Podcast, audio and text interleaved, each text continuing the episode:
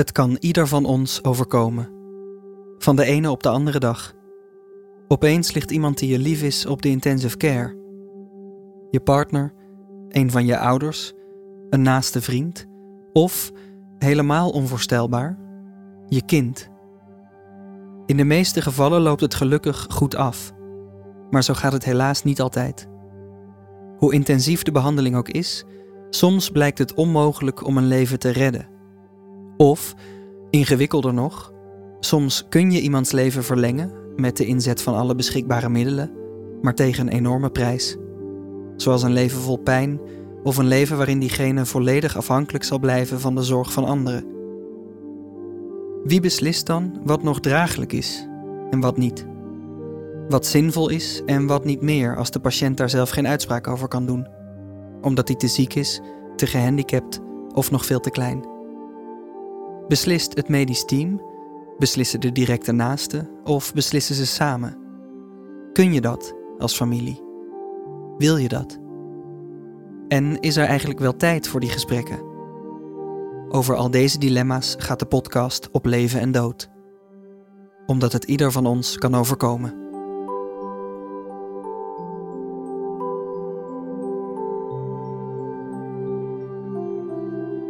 In deze achtste aflevering horen we Tina van Hemel Rintjap, intensivist in het Leids Universitair Medisch Centrum.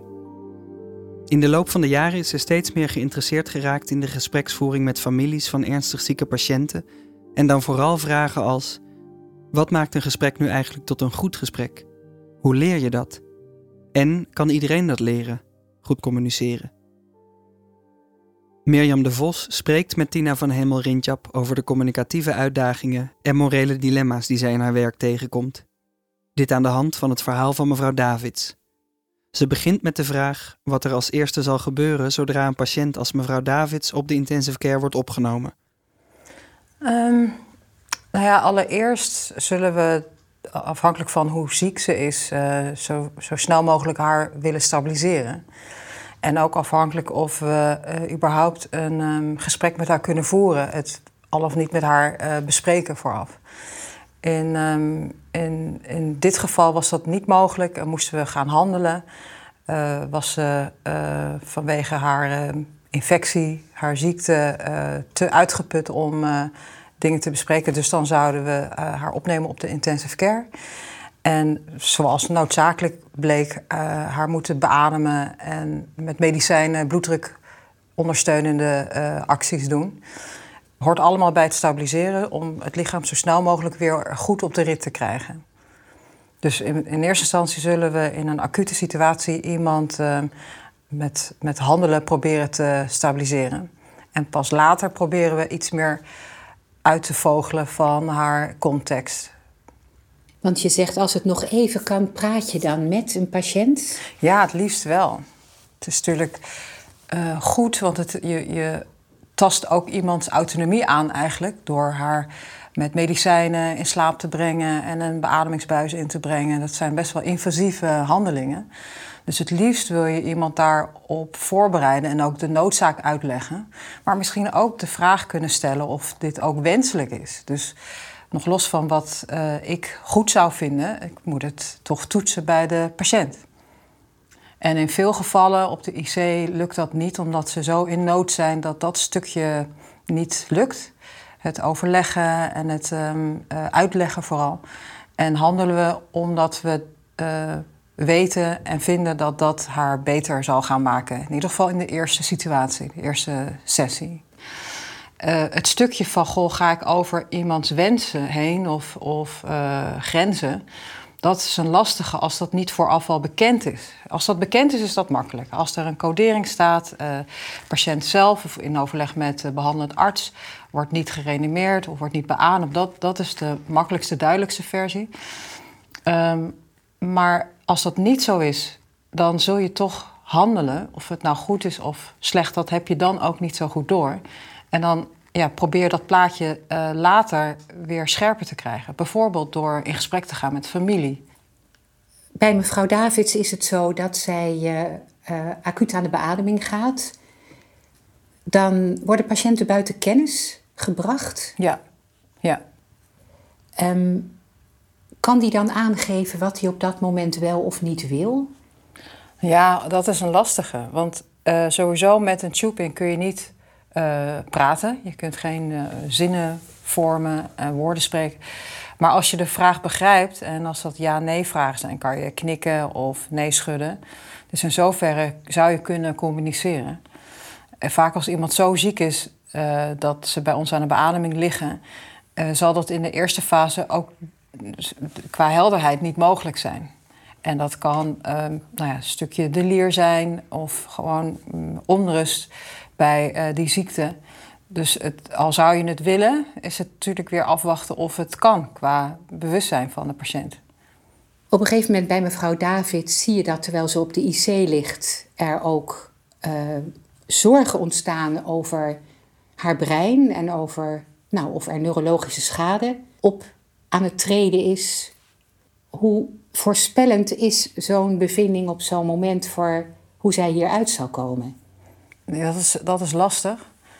Uh, zo'n uh, neurologische verslechtering, of eigenlijk een optelsom van orgaanproblemen, dat is in grote lijnen nooit uh, goed, nooit gunstig. Maar afhankelijk van ehm, het beloop ging het aanvankelijk voorspoedig en dan slechter. Nou, dat geeft alweer een ander plaatje dan wanneer het vanaf begin af aan constant slechter wordt, waarbij dit er ook nog eens bij komt. Dus dan, dan nog worden we, hè, moeten we bewust zijn dat het uh, reversibele elementen in zitten. Maar dat zal best een moment kunnen zijn dat we wel um, nou ja, een serieus gesprek met de familie gaan houden. Van let op, er moet niet, niet nog iets bij komen, want dat wordt dan uh, te veel. Ja.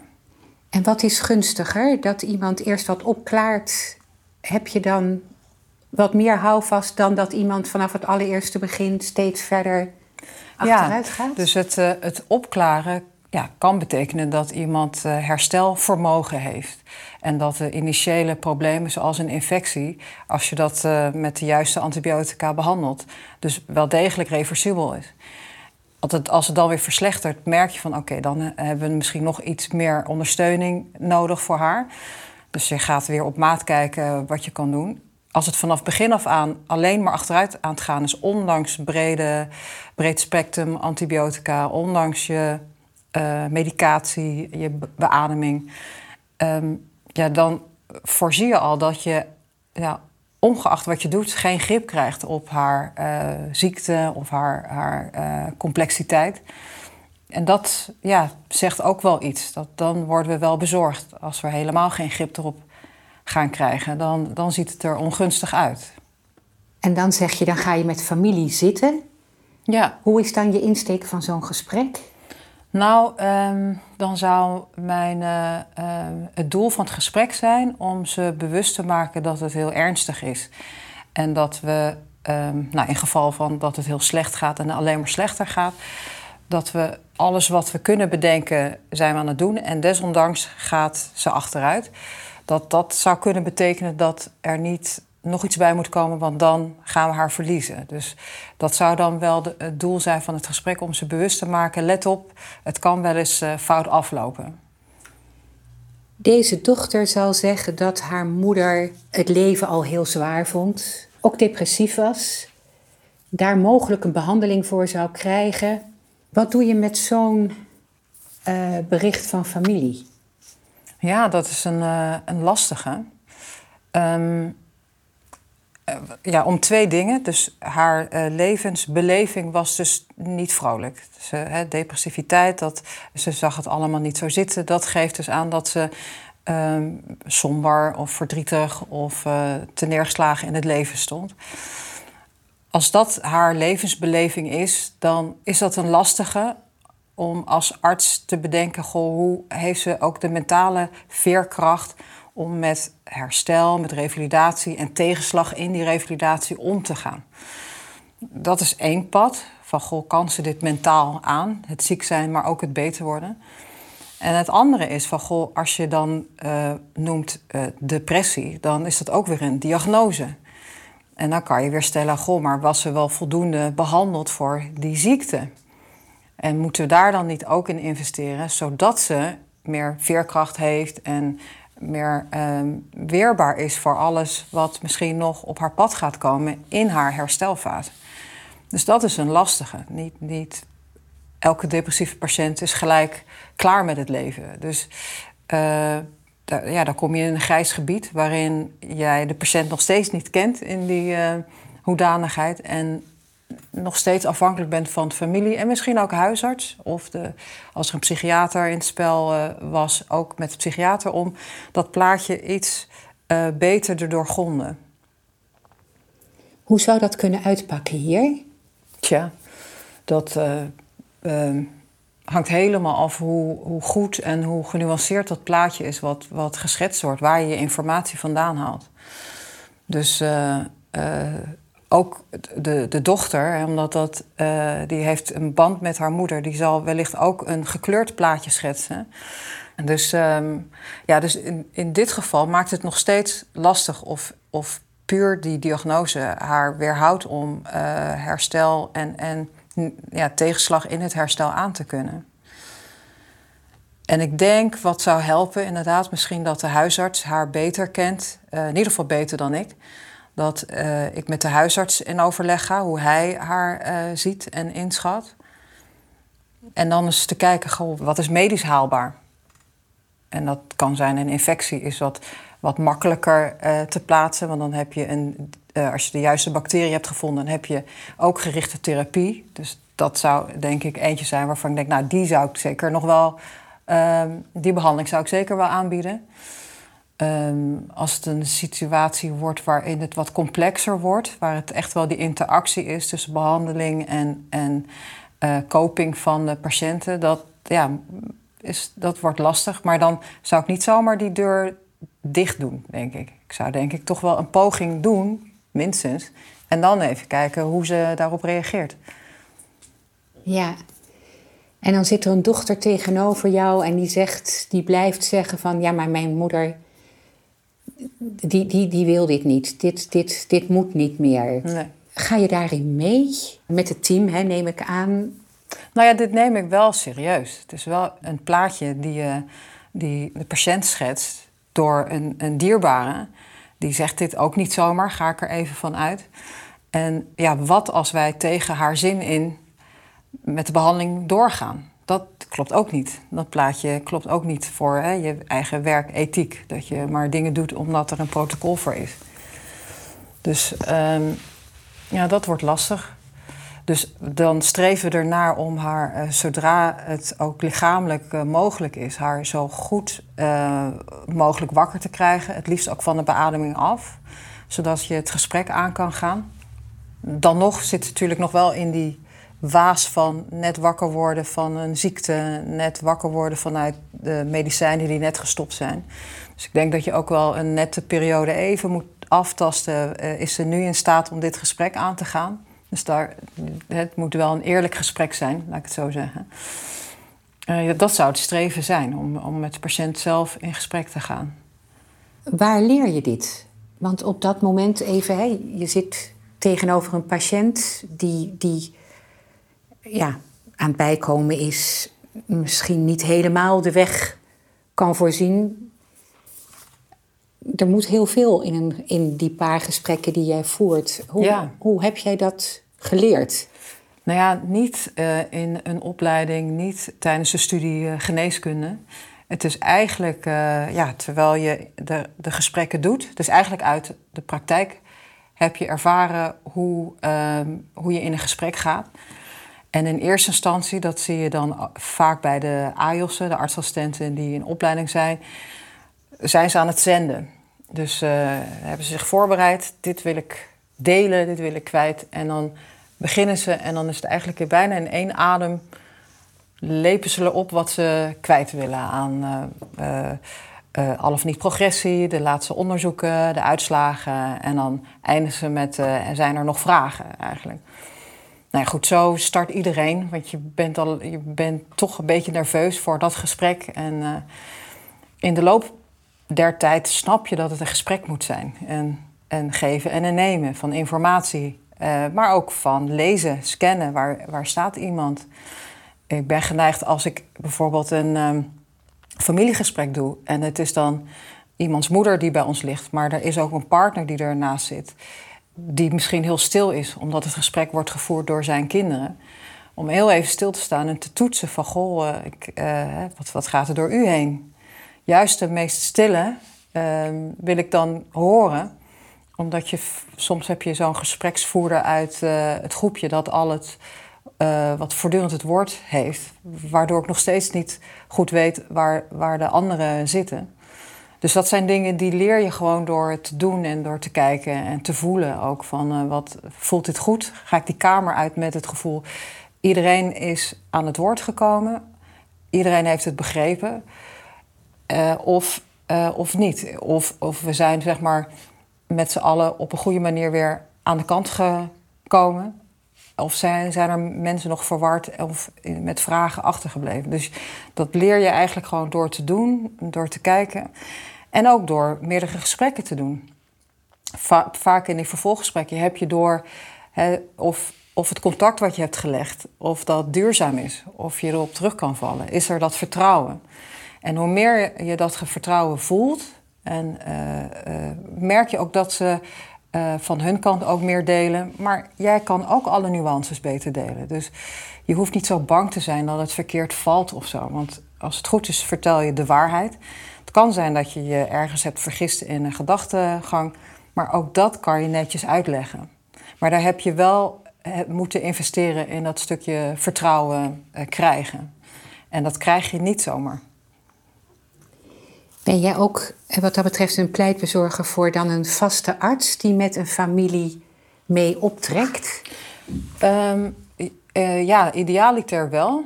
Maar uh, zoals dat ook in onze praktijk is, dat kan je um, nou, niet altijd waarmaken. Soms moet je het nieuws brengen als, als nachtdokter, omdat er dan een knik in het verhaal is. En dat is dan, ja, ben jij weer de, de vierde of de derde dokter die ze dan spreken. Dus dat, dat, soms is dat niet anders. Um, wat we wel uh, doen in, uh, op onze unit is dat we een regievoerder aanwijzen die één keer per week um, op, op een vaste dag uh, de gesprekken voert. Ook een beetje om alle tussengesprekken een beetje weer in context te krijgen. Dat het niet losse gesprekken zijn, wat het misschien wel was, maar dat het in helikopterview valt het misschien iets beter op zijn plek als je dat één keer per week nog even samenvat. Of nou ja, uitlegt van god, dat was het inzicht op maandag, maar dinsdag doen we een scan en dan ziet het er zo uit. Dus dan kan je het allemaal weer iets uh, duidelijker uh, neerzetten. En dan stel, we gaan ervan uit dat een patiënt het niet voor zichzelf kan doen. Jij zit daar met de familie, je kent ze inmiddels, ze hebben het begrepen. En de ene route is dat dan familie tegen jou uh, zegt van we willen ervoor blijven gaan dit, dit, dit moet en dit zal. Mhm. Hoe leidend is dat? Um, als het niet het plaatje is wat wij hebben van die patiënt, dat bedoel je denk ik, uh, ja, dan wordt het lastig. Kijk, als het zo is dat we met torenhoge standen van onze medicatie die patiënt nauwelijks of net aan uh, gestabiliseerd krijgen, dan is dat wat we ook gaan uitleggen. Dat er natuurlijk uh, de wens is om haar te of in dit geval de moeder te houden. De wens is om niet moeder te verliezen, uh, maar dat dat uh, niet per se iets is wat we altijd kunnen garanderen. En zoals dan nu de situatie is, zo zou ik het dan uitleggen, is die kans heel klein. Dus ik, ik erken dat ze dat zeggen, ik heb ze gehoord. Ik kan misschien ook wel voorvoelen waar dat vandaan komt. Dus dat zou ik denk ik ook benoemen. Um, en, en dan leg ik uit waar wij staan, of wij dat überhaupt kunnen waarmaken of niet. En dat het dan niet per se een, een keuze is van ons of dat we gaan doen, of, maar dat het een gevolg moet zijn van de combinatiebehandeling en hoe de patiënt erop reageert. Ja, en die, die andere versie, als ik denk van, nou, deze dame, mevrouw Davids, lijkt wel te stabiliseren. En prompt komt de dochter van, nou, maar dit had ze niet gewild. Tja, dat is natuurlijk wel een hele gekke. Als ik zie dat ik uh, de infectie wordt minder, ik kan de beademing afbouwen, ik kan mijn medicatie afbouwen, dan uh, druist het ook wel tegen mijn uh, werkethiek in om het dan maar te stoppen als ik juist wel herstel zie. Dus dan ga ik proberen die dochter toch mee te nemen in... goh, dit is, als dat zo is wat u zegt... misschien komt er toch een moment dat we haar, het haar kunnen vragen. En dat we dan via die route doen. Omdat het dan... Uh, ja, het is toch een lastige. De enerzijds zit die dochter met haar gevoel en loyaliteit naar moeders wens. En anderzijds zit ik met mijn ja, werk, opdracht en gevoel van... ja, uh, ik moet ook verder kunnen in dit verhaal. Je zegt, hè, dan is het toch zaak dat je het uitlegt. Eerlijk blijft uitleggen. Ja. Lukt het dan om families mee te nemen? Meestal? Nou, ja, meestal wel. Als ze in ieder geval snappen dat we op hetzelfde pad zitten. Bij de, ene familie gaat het uh, uh, heel soepel. Het is een soort dans. Bij de ene gaat het gewoon heel, heel natuurlijk. En bij de ander moet je meer werken. Moet je bijna afspraken maken hoe we dit gaan doen. Hoe gaan we nou het gesprek in? En inderdaad, bij de, gesprek, de, de families waar het wat, wat uh, lastiger gaat of stroever... is het wel handig om maar één gespreksdokter te hebben. Juist om die ruis eruit te halen. En uh, ja, om, om toch dat wat er misschien aan vertrouwen ontbrak uh, weer te herstellen. Want dat is denk ik wel ook essentieel in het begeleiden van uh, familie. Je begeleidt ze niet alleen door de informatie te geven en te delen, maar ook in het, in het management, kopingsmanagement en um, ja, verwachtingsmanagement vooral. Wat als zij hadden verwacht, hij ligt hier één dag en dan is hij beter ja, wat doen we dan nog een maand later? Dus uh, hoe, hoe is dat? Wat, wat had u verwacht? En hoe ziet u dan de toekomst? En ja, je gaat op een ander niveau uh, dat gesprek nog eens uitbreiden. En wat je mooi aangeeft is dat je heel erg kijkt, wat zit eronder? Ja. He, zodra er bezwaren zijn of het gaat niet soepel... dan ja. ben je bijna gewaarschuwd van, ja. er zit hier iets onder. Ja. En dan zeg je dat is aan de ene kant kan dat vertrouwen zijn. Zijn er meer dingen uit jouw ervaring die je ziet die daar dan onder liggen? Um, nou ja, de, de, de, angst van het verliezen. Dus je wil niet horen dat uh, de gesprekken gaan dat wij het niet uh, kunnen oplossen. Want daar kwam die toch voor. En de IC is toch een soort laatste station waarin alle apparatuur uit de kast gehaald kunnen worden. En dan alsnog wordt iemand beter. Dus uh, ja, de angst van, van het verliezen zit daar vaak onder. Dat is denk ik het belangrijkste. Ik heb ook wel één keer gehad de, de andere kant op. Dat was een hele fijne familie. In, in onze beleving, als het een fijne familie is, betekent dat je makkelijk in gesprek bent. En die was heel beleefd. was heel beleefd en die knikte. En uh, ja, dokter, we begrijpen het. Ja, het is moeilijk. Maar goed, het ging wel om een dochter van uh, 35 of zo.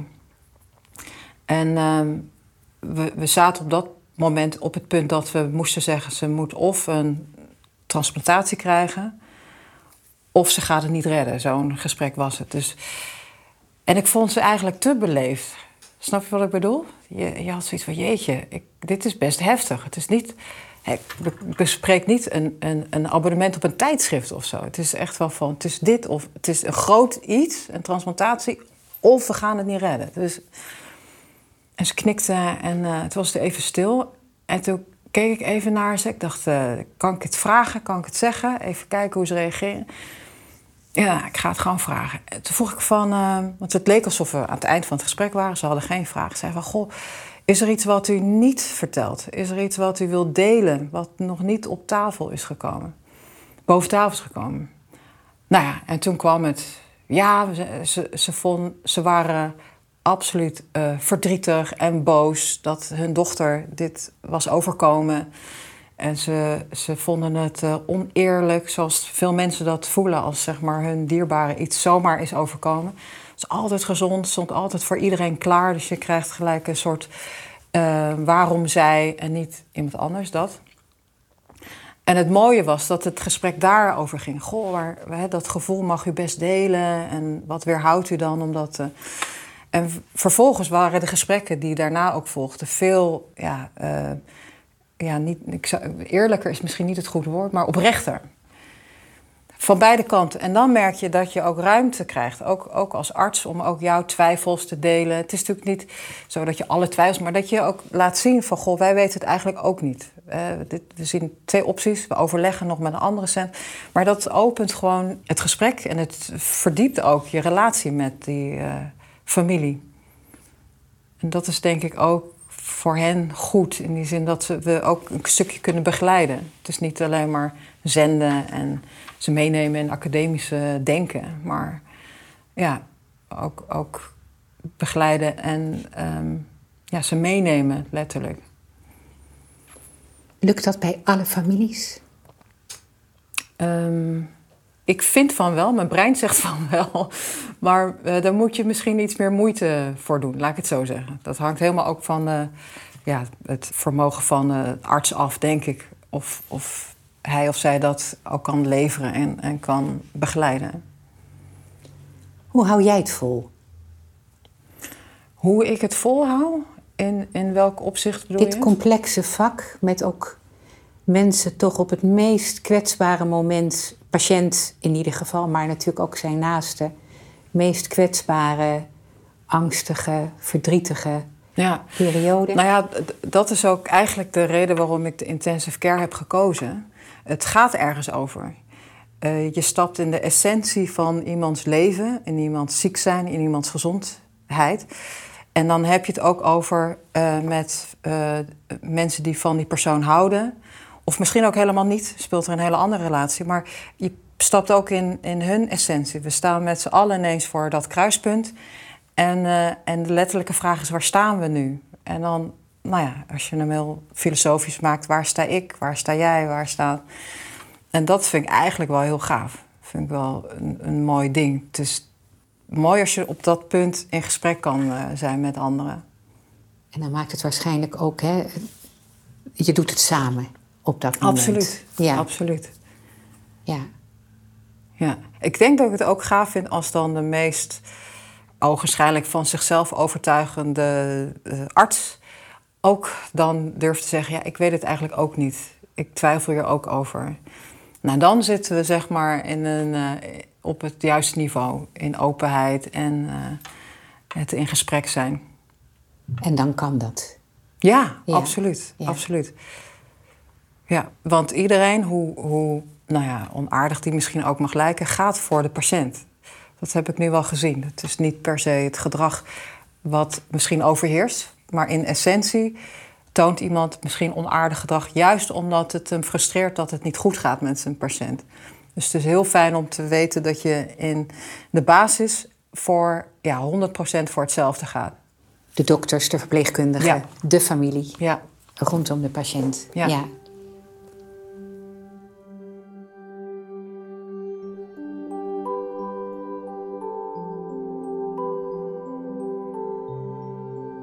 In deze aflevering spraken we met Tina van Hemel-Rintjap, intensivist in het Leids Universitair Medisch Centrum. Projectleiding en interviews Mirjam de Vos, eindredactie Marion Oskamp, voice-overs Simon Heijmans, techniek Arno Peters en muziek was van Amir Vahidi. Op Leven en Dood is een podcast gemaakt in opdracht van Amsterdam UMC met financiële steun van ZonMW.